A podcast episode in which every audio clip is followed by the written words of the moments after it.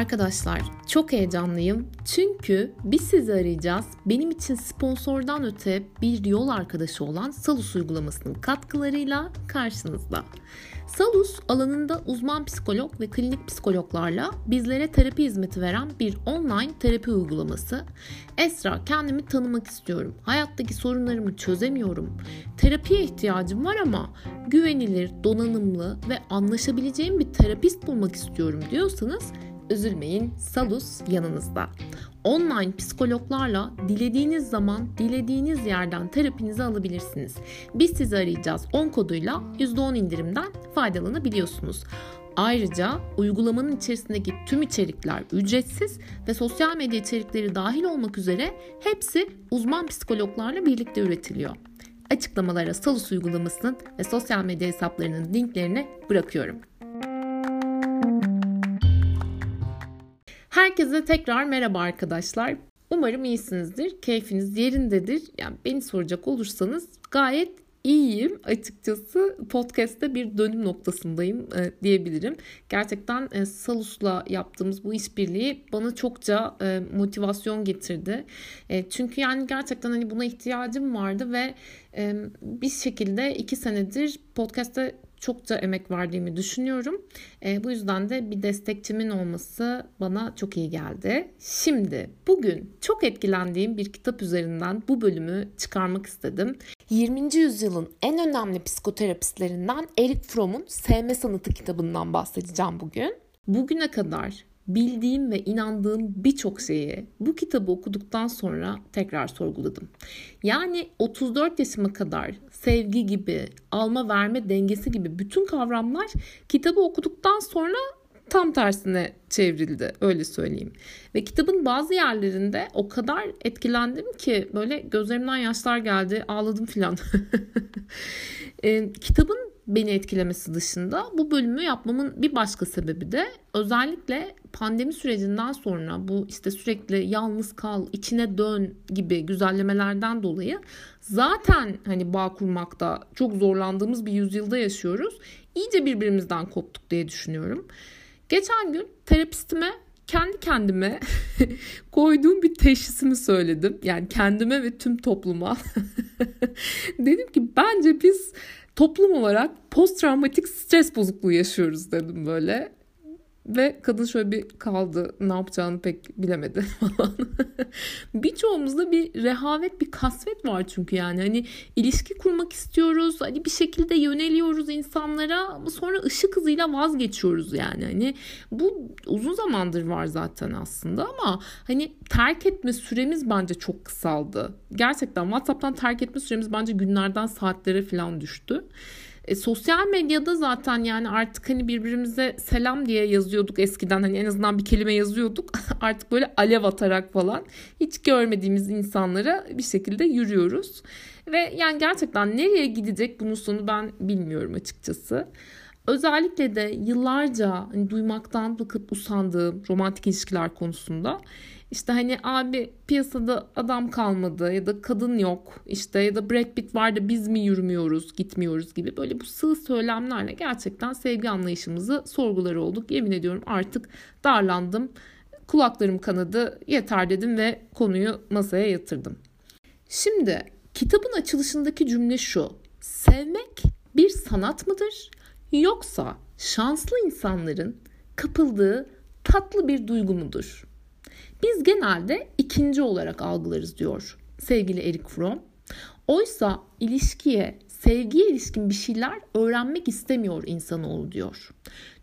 Çünkü hep almak üzerine bir bilgi vardır zihnimizde.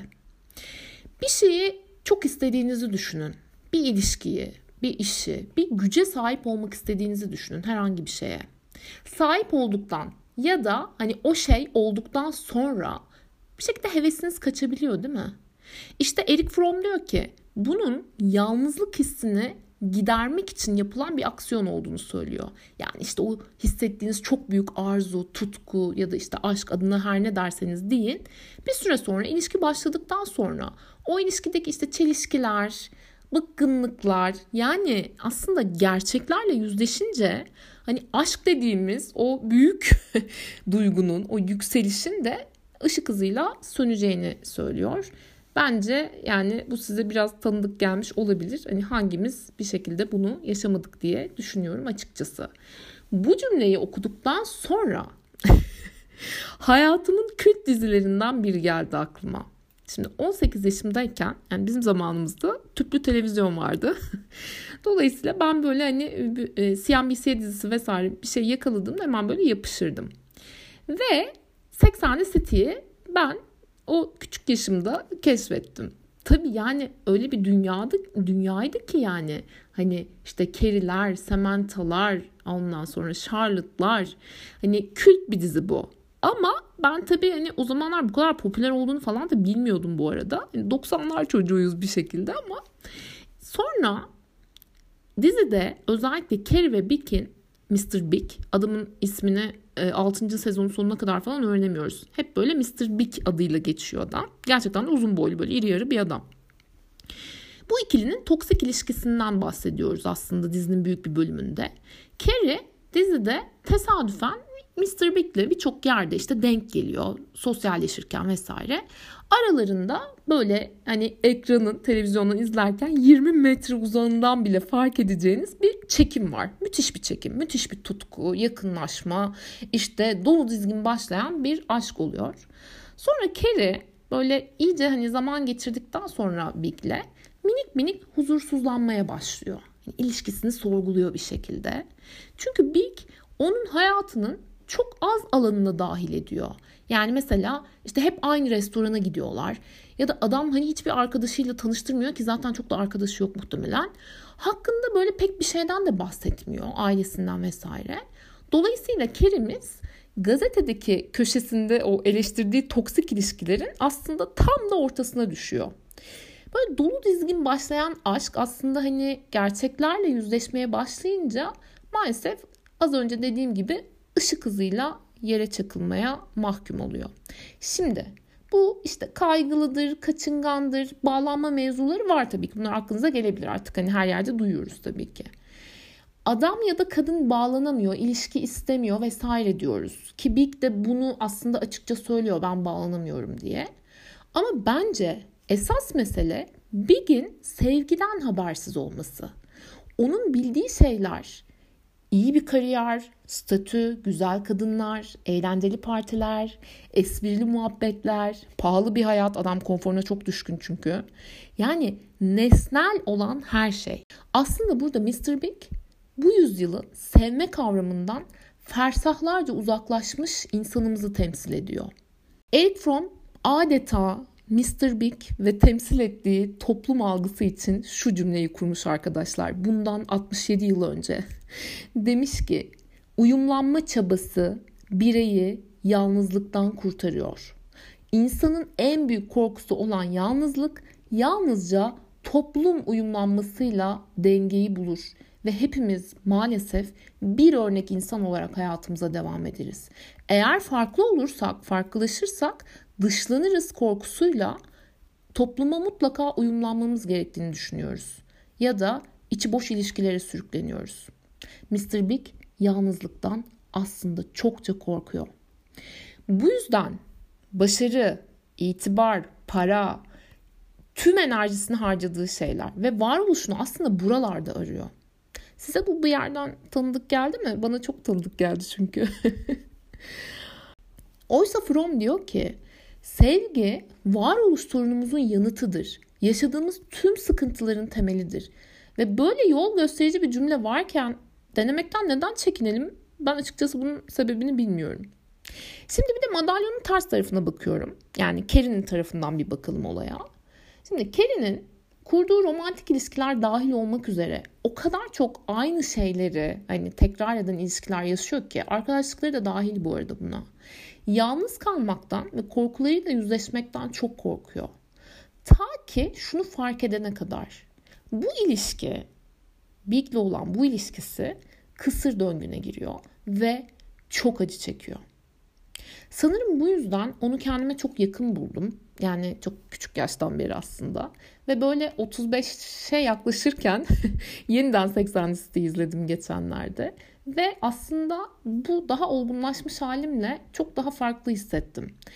terapiye başlamadan önce sürekli şöyle kurduğum cümleler vardı. Benim ilişkilerim devam etmiyor. Ben galiba ilişki kurmayı bilmiyorum. Ben sevmeyi bilmeyen bir aileden geliyorum. Yani gerçeği kabul etmiyordum. Sevmeyi öğrenmek hiç aklıma gelmedi. Çünkü zaten doğrusu şuydu yani aldıkça verirsin, verdikçe alırsın. Ben bunu öğrenmiştim. En çok da zaten vermekten kaçınıyordum. Hala da kaçındığım insan ilişkilerim var. Çünkü ya alamazsam kaygısı var, ya üzülürsem, ya karşılık bulamazsam gibi kaygılar var. Bu da inanç sistemimden kaynaklanıyor. Bence birçoğumuzun böyle. Hani karşılıksız bir sevgi kurulabileceğine belki de inancımı yitirdiğim için böyle düşünüyorum. Karşılıksız sevgi deyince aklınıza galiba ana baba sevgisi geliyordur değil mi?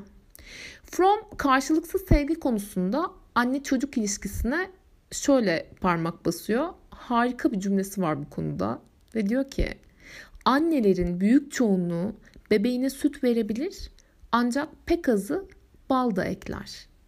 Çocuğunun ihtiyaçlarını ihmal ediyorsan eksik seviyorsun demektir. Yani biz bunu hani kayıtsız şartsız kabul ediyoruz ya işte analık kutsaldır. Bir ana çocuğunu kayıtsız şartsız sever, korur, kollar diye. Bunu söylerken terk edilen çocuklar bence hiç aklımıza gelmiyor. Şey hatırladım. Lisedeyken okuldan geldiğimde anneannem işte Müge Anlı'yı izliyordu. Ben de şey diyordum kadına. Ya işte anneanne ya Allah aşkına izleme böyle şeyleri. Saçma sapan şeyler diyordum. Kadıncağız da bana kızım bunlar hayatın gerçekleri derdi. Yıllar sonra anladım ki bazen o üçüncü sayfa haberlerini kulak ardı etmemek gerekir arkadaşlar. Çünkü hayat sandığımız gibi toz pembe değil. Ve toplumun biçtiği analık rolleri de herkese uygun değil. Maalesef bazılarına bir beden büyük gelebiliyor o elbise. Eric Fromm'un teorisini Müge Anlı'yla da açıkladım. Helal olsun koca yürek diyorum kendime ve devam etmek istiyorum. Yani arkadaşlar bu tamamen insanların bilinçlerine, sevmeyi istemelerine ve emek vermelerine bağlı. Birazdan nasıl sevebileceğimizi anlatacağım ama hani şey demek istiyorum. Gökten vahiyle inmiyor bu ve biz karşılıksız sevebiliyoruz gibi bir mantık olduğunu düşünmüyorum. Aytmatov'un dediği gibi sevgi emektir. From sevmeyi bir ticari ilişki gibi algılayamazsınız. Çünkü siz tüccar değilsiniz diyor. Kişiliği gelişmemiş insanlar tüccar gibi severmiş. Biraz ağır konuşmuş evet ama gerçekleri de yüzümüze vurmuş sanki. Hani o yüzden üretici bir işin içindeki kişiler birbirini gerçekten sevemiyor diyor. Yani bu ne demek? İş ilişkileri ya da iş ilişkisi gibi görülen ilişkilerde gerçekten bağ kuramıyoruz. Şimdi iş ilişkilerinde kendi adıma böyle derin bağlar kurabildiğim insanlar olmadı açıkçası. Bunun için çok emek verdiğim zamanlar oldu kesinlikle. Ama araya hani ortak çıkarlar bir şekilde o bir nifak doğumu gibi girdi diyebilirim. Aklımda hep şöyle bir cümle vardı. Ya buranın dışında bir yerde tanışsaydım ben bu insanlarla çıkarsız bir arkadaşlık kurabilirdim diyordum. Hatta bir dönem işle bağlantı kurmaya o kadar alışmışım ki işten ayrıldıktan sonra özellikle hiçbir ortak çıkarımın olmadığı insanlara da sanki böyle hani iş üzerinden ancak onlarla iletişim kurabilirim gibi geldi. Başka türlüsünü bilmiyordum, öğrenmemiştim çünkü kendi kendime bunu öğrenmişim. Ve sadece kendim olarak arkadaşlık kurabileceğimi açıkçası yeni yeni anlıyorum. Hani bunu itiraf edebilirim. Çok garip değil mi sizce de? İkinci aklıma gelen iş ilişkisi ne biliyor musunuz? Burada bir es verdim. Evlilik. Uzun yıllardır evli olan birisi bana şunu demişti. Evlilik bir ekonomi ve statü birliğidir. Bu beni çok sarsmıştı. Çünkü o kadar sevgiden uzak robotik bir bakış açısı ki bu. Sonradan anladım ki ama aslında çok mantıklı yer yer. yani ben evli değilim ama bir fikrimin oluşması için de evli olmam gerektiğini düşünmüyorum. Hani gözlemlerim üzerinden bunu yorumlayayım. Çünkü hani etrafımda evli insanlar var. Çok yakınlarım var. Dolayısıyla hani şimdi evlenince hani bir güçler birliği oluşuyor ya her anlamda. Özellikle de hani çocuk olunca büyük bir kurum oluşuyor adeta ve bu kurumun işleyebilmesi için de çarkın bir şekilde dönmesi gerekiyor. Sevgili psikiyatrist Alper Hasanoğlu bu konuda şöyle bir şey demiş arkadaşlar. Evlilik belediyeye atılan imzadır. Biz evlilik ve aileyi aynı şey olarak biliyoruz. Oysa birbiriyle alakasız şeylerdir. Aşk, sevgi vesaire bunlardan dolayı ortaya çıkmış bir kavram değildir. Evlilik malın devamlılığı, miras ve çocuğun hakları için ortaya çıkmıştır. Yani doğal insan yapısından dolayı efendim işte üreme isteğimizden dolayı evlilik ortaya çıkmıştır gibi bir şey yok. Kültürel yapıdan dolayı ortaya çıkmıştır diyor. Fakat esas mesele ve sorun şuymuş. Aile bir insanın bağ kurabilmesi için şarttır ama evlilik çatısı altında olmak zorunda değildir. Zaten insanları mutsuz eden şey budur diyor Alper Hasanoğlu. Şey dermişim alın size işte düşünebileceğiniz bir bilgi daha ne yaparsanız yapın dermişim. yani bence bu açıklamada hani evliliğe karşı bir açıklama yok aslında. Görünürde öyle gibi algılanıyor. Ama benim anladığım özetle evlilik aile kurmak için bir sebep olmamalı. Hani siz seçtiğiniz sonradan kan bağınız olmasa dahi derin ilişki kurduğunuz insanlarla da aile olabilirsiniz. Mesela hiç yok mu hayatınızda işte kardeşim gibi, babam gibi, annem gibi dediğiniz insanlar? Aile illaki anne baba çocuk üçlüsünden oluşmuyor aslında. Bunu demek istiyor. Şimdi bu bölümün en can alıcı yerine geldik. Dananın kuyruğunun koptuğu yer. İyi hoş da Esra bu kadar konuştun biz nasıl seveceğiz bir anlat bakalım diyorsanız overlockçu ayağınıza geldi. Buraya dikkat çünkü bence ilişkilerinizi bu anlattıklarımdan sonra tekrar sorgulayacaksınız. Sevmek verme ediminin dışında dört şeyden oluşuyor arkadaşlar. Kitaba göre anlatıyorum tabi.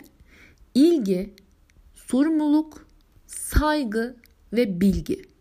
Şimdi ilgiden kastımız tabii ki emek. Yani az önce de dedim Selvi Boylum al yazmalımdaki gibi sevgi neydi? Sevgi emekti. O kadar doğru ki çiçeklere, hayvanlara duyulan sevgi de aslında farklı değil. Emek vermediğiniz, sulamadığınız, hani doğru güneş ışığını almayan bir çiçek büyümez mesela değil mi? Solar gider.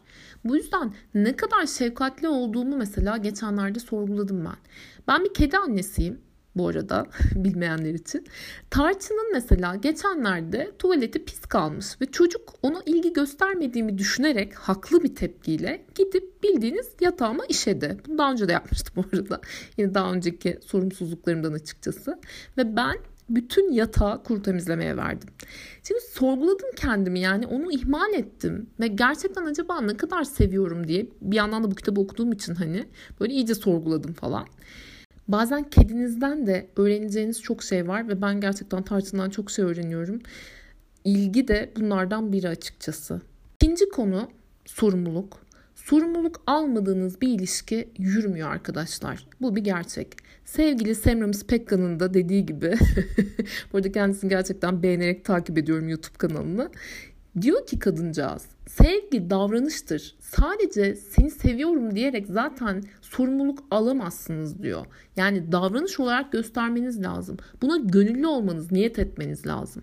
Şimdi bilmiyorum hani başınıza geldi mi ama size dönüp dönüp gelen flörtleriniz vardır ya hani böyle arada hortlarlar falan.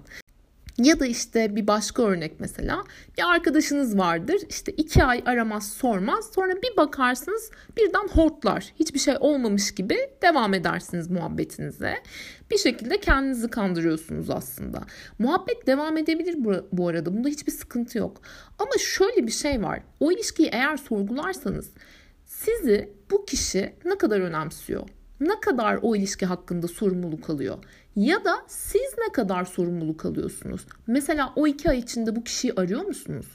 Ben şöyle düşünüyordum arkadaşlar. Abi o beni aramadı iki ay boyunca. Ben de aramam bana ne diyordum. E iyi de ben ona kendimi ne kadar açtım? Yani ne kadar sevgiyi verdim ki almayı beklemeden. Her şeye rağmen yine de olmuyorsa yani mesela siz gerçekten çok efor sarf ediyorsanız o ilişki için okey sıkıntı yok. Yani zaten sıkıntı sizde değildir aslında. Bundan eminseniz tabii. Ama Fromm şunu diyor zaten. Sevgi o kadar sihirli bir şey ki gerçekten iki insanda hani karşılıksız, çıkarsız bir şekilde sevgisini verirse o sevgi insanları bütünleştiriyor zaten diyor. Yani ne kadar vermek istediğin ya da ne kadar cimri olduğun önemli bir ilişki içerisinde. Sorumlulukla birlikte tabii saygı da işin içinde. Yani olduğu gibi yargılamadan bir insanı kabul etmek, onu gözlemlemek, onun gelişimini görmek galiba en zor şeylerden biri insanoğlu için. Olduğu gibi kabul etmek. Şimdi burada içimi ısıtan bir şey söyleyeceğim size. Amazon Prime'da Modern Love diye bir dizi var. Bilmiyorum hani izlemediyseniz mutlaka öneririm. Bu Amerika versiyonu. Her bölümde böyle birbirinden bağımsız sevgi hikayeleri anlatılıyor. Ve beni etkileyen bir tanesini sizinle paylaşmak istiyorum.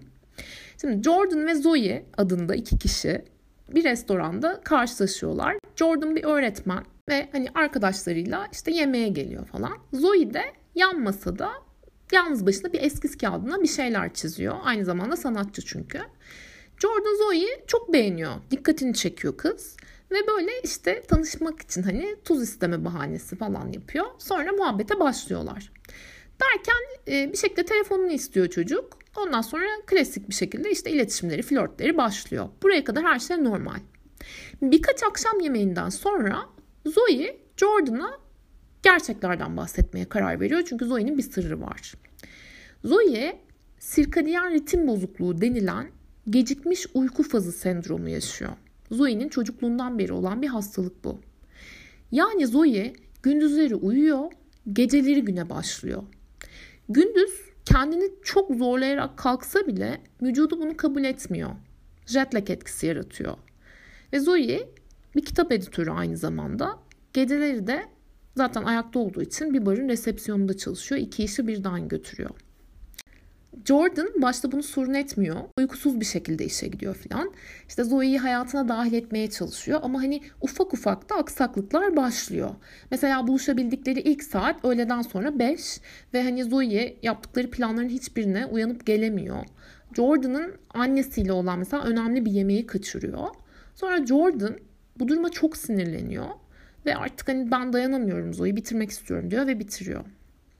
Zoe bunun bir hastalık olduğunu söylese de anlamak istemiyor. Yani bu benim ilişkimi etkiliyor, hayatımı etkiliyor. O yüzden artık devam etmek istemiyorum. Ben çok yoruldum diyor. Aradan zaman geçiyor ve ikisi de çok mutsuz ve farklı ilişkiler deniyorlar bu arada. Jordan Zoe'yi olduğu gibi kabul etmeye karar veriyor. Çünkü onunla geçirdiği zamanı başka bir kadınla zaten geçiremiyor yani hani ortak yakaladıkları o güzel duyguyu aslında o, o güzel şey işte bahsettiğim şey zaten sevgi. Ve Zoe'yi olduğu gibi kabul etmeye niyet ediyor. İlişkilerinin yürümemesinin aslında en büyük sebebi gerçekliğimizi görmeden karşımızdakini değiştirmeye çalışmak arkadaşlar. Jordan şöyle yapıyor. Bir tane ev tutuyor ve Zoe'ye burada seninle birlikte yaşamak istiyorum ve bunu denemek istiyorum diyor. Burada biraz duygulandım. Son olarak sevgi için gerekli olan şey bilgidir. Burası çok önemli arkadaşlar ve Fromm'un harika bir cümlesi var. Diyor ki ilgi bilgiyi doğurmamışsa boştur. wow. Aklıma şey geldi. Love bombing. Deli gibi ilgi manyağı yapan insanlar vardır ya hani bize. İlla ki başınıza gelmiştir hani ilişkilerde vesaire altı boştur bir şekilde. Hani içten içe hani o altyapısızlığı da hissedersiniz ama aşırı ilgi de bir yandan hoşunuza gider. E ama bilgi nerede? Senin hakkında o kişi ne biliyor mesela? Seni görmeye çalışıyor mu gerçekten? Her gün görüşüyorsun, yazışıyorsun ya da konuşuyorsun. Ama senin ne kadarını biliyor? Size birisi sevdiğiniz bir yemeği hatırlattığında ya da ona önceden söylediğiniz bir cümleyi hatırlattığında ya da sizi tanımak için sorular sorduğunda hoşunuza gider değil mi? Çoğumuz özelliklerimiz hakkında bilgi vermeyi severiz arkadaşlar. Rom bilginin ilişkide çok kıymetli olduğunu ama hiçbir zaman bir insanı %100 tanıyamayacağımızı söylüyor. Çünkü bu aşırı çaba karşımızdakine zarar verebiliyormuş. Hatta onu zorlayarak onun sırlarına ulaşmaya çalışabiliyoruz bazen. Bu da karşımızdakini bizden uzaklaştırabiliyor. Hani yani çok özeline girip belki hani sorular soruyoruz ilk etapta özellikle. Bunun sebebi de neymiş biliyor musunuz? Çok ilginç burası. İnsanı yok etme arzusundan dolayı karşımızdaki insanın sırlarına ulaşmaya çalışıyormuşuz ve o sırra ulaşmak için hani ona zarar vermeyi göze alabiliyormuşuz. Bu çok enteresan bir bilgiydi. Sevgi odaklı ilerlediğimizde ise o kişi zaten otomatik olarak bize sevgisini verecek ve e, kendi sırlarını paylaşmak istediği kadarıyla zaten bizimle paylaşacak. Yani zorlamamıza gerek yok aslında. Çok daha kolay bir yolu var. Aklıma anneannemle dedem geldi. Mesela anneannem çok meraklı bir insandı. Öğrenmeyi çok severdi kadın yani hayatı boyunca. O yüzden hep böyle insanlara sorular sorardı. Mesela ben çocukken ona işte okulda öğrendiğim bir şeyi anlatıyordum. Ve hep şey yapardı. Kızım ben senden o kadar çok şey öğreniyorum ki derdi. Bayılırdım böyle onu anlatmaya bir şeyleri. Dedem de tam tersi böyle ketum, sakin bir insandı. Ama ikisinin de ortak bir özelliği vardı arkadaşlar. Bir araya geldiklerinde sohbetleri o kadar derinleşiyordu ki. Hani o ketum dedem gidiyor yerine böyle sırlarını açan bir insan geliyordu ve ben çok şaşırıyordum. Sanki başka bir insan oluyordu çünkü. Bir gün onların deyişiyle hani münakaşa etmişlerdi ve anneannem şey demişti. Böyle bir biraz böyle gerilmişlerdi. Dedi ki kızım 55 yıldır evliyim bu adamla ama bazı huylarını ilk kez görüyorum demişti. Bunu hiç unutmuyorum. Sonra anneannem işte gitti gönlünü aldı falan ee, bir şekilde barıştılar. Hiçbir zaman küslükleri uzun sürmezdi ve yataklarına asla küs girmezlerdi. Yani demek istediğim bir insanı belki %100 tanıyamazsınız ama bir insanı sonsuz sevme yetisine sahipsiniz. Kapatırken Mevlana'dan birkaç dizi okumak istiyorum size. Çünkü sevgi daha güzel nasıl ifade edilirdi açıkçası bilmiyorum. Gerçekten gönülden gönüle açılan pencere vardır. Çünkü iki beden ayrı veya uzak değildir. İki kandilin çanağı bitişik olmasa da ikisinin ışığı karışır birbirine havada. Hiçbir aşık durup dururken uslat istemez. Maşuku o aşığı aramadığı sürece. Bu gönülde dost sevgisine şimşeği çakarsa İyi bil şunu. O sevgi vardır o gönülde de. Bu eski hükümle dünyadaki cüzler çift çift çiftin teki öbür teke aşıktır. Gökyüzü erkek, yeryüzü dişidir akılca. Öbürü ne atarsa diğeri yetiştirir içinde. Sıcaklığı kalmazsa sıcaklık gönderir. Nemi, ıslaklığı kalmazsa nem gönderir. Gökyüzü zaman içinde döner durur. Karısı için iş peşinde koşan adam gibidir. Yeryüzü ise ev hanımlığını yapar. Doğumla, emzirmekle uğraşır durur. Öyleyse akıllı bil yeryüzüyle gökyüzünü. Çünkü yapmaktadırlar akıllıların işini. Bu iki dilber birbirinin sevgisini emmese nasıl bir çift gibi birbirlerine sokulur? Yeryüzü olmasa Gül ile Erguvan nasıl biterdi? Gökyüzünün suyundan, sıcaklığından ne çıkardı? Hak erkek ile kadında bu isteği yarattı. Bu birliktelikte baki kalmasını istedi. Gece ile gündüz görünüşte zıttır, düşmandır. Ama ikisi de bir gerçeğin kumaşına dokumaktadır. Her biri diğerini canı gibi ister. Böylece işini, eylemini tamamlamak ister. Gece olmazsa tabiatın geliri olmaz. Gündüzleri ne harcayabilir böyle olursa? Sevgililer gününüz şimdiden kutlu olsun. Bir sonraki bölümde görüşmek üzere.